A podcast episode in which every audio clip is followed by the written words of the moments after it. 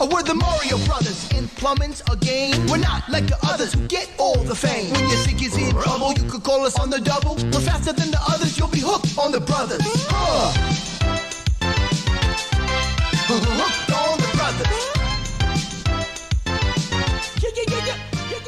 Empezamos el programa de E Pedos Verdes y eso era el anuncio de los mejores fontaneros del mundo. No saben abrir ni un grifo, encima les pagan un montón. Está baratísimo, solo te piden 150 millones de euros para que te abran el grifo, que sí que saben. Ahora vamos con las noticias tristes.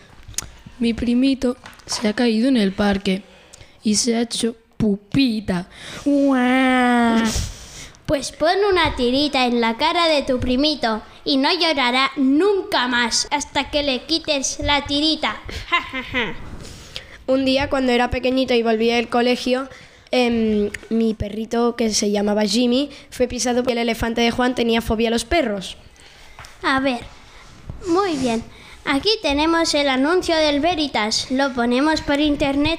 Uy, no funciona. Lo vamos a cantar. Oh, guisantes, guisantes. Oh, guisantes, guisantes.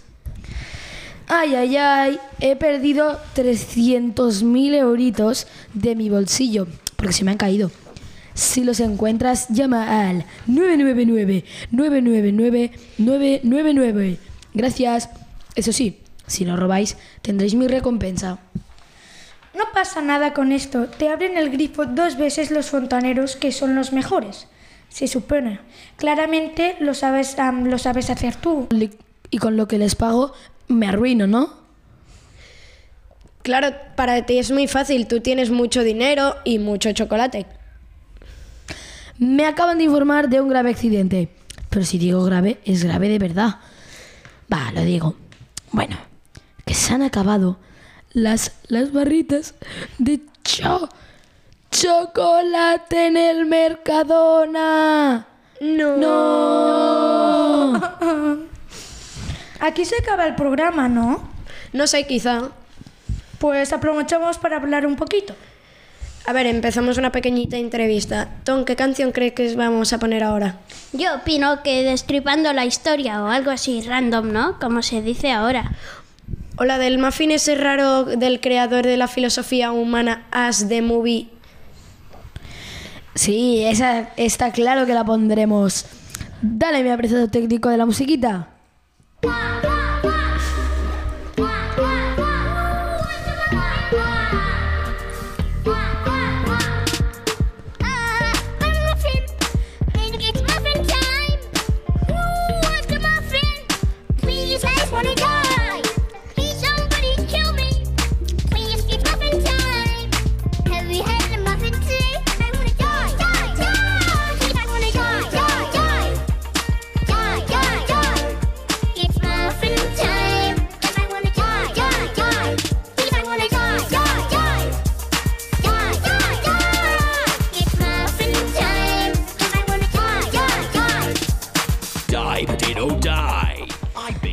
Hasta, aquí el programa tan alocado como debe ser, es decir, como el nuestro.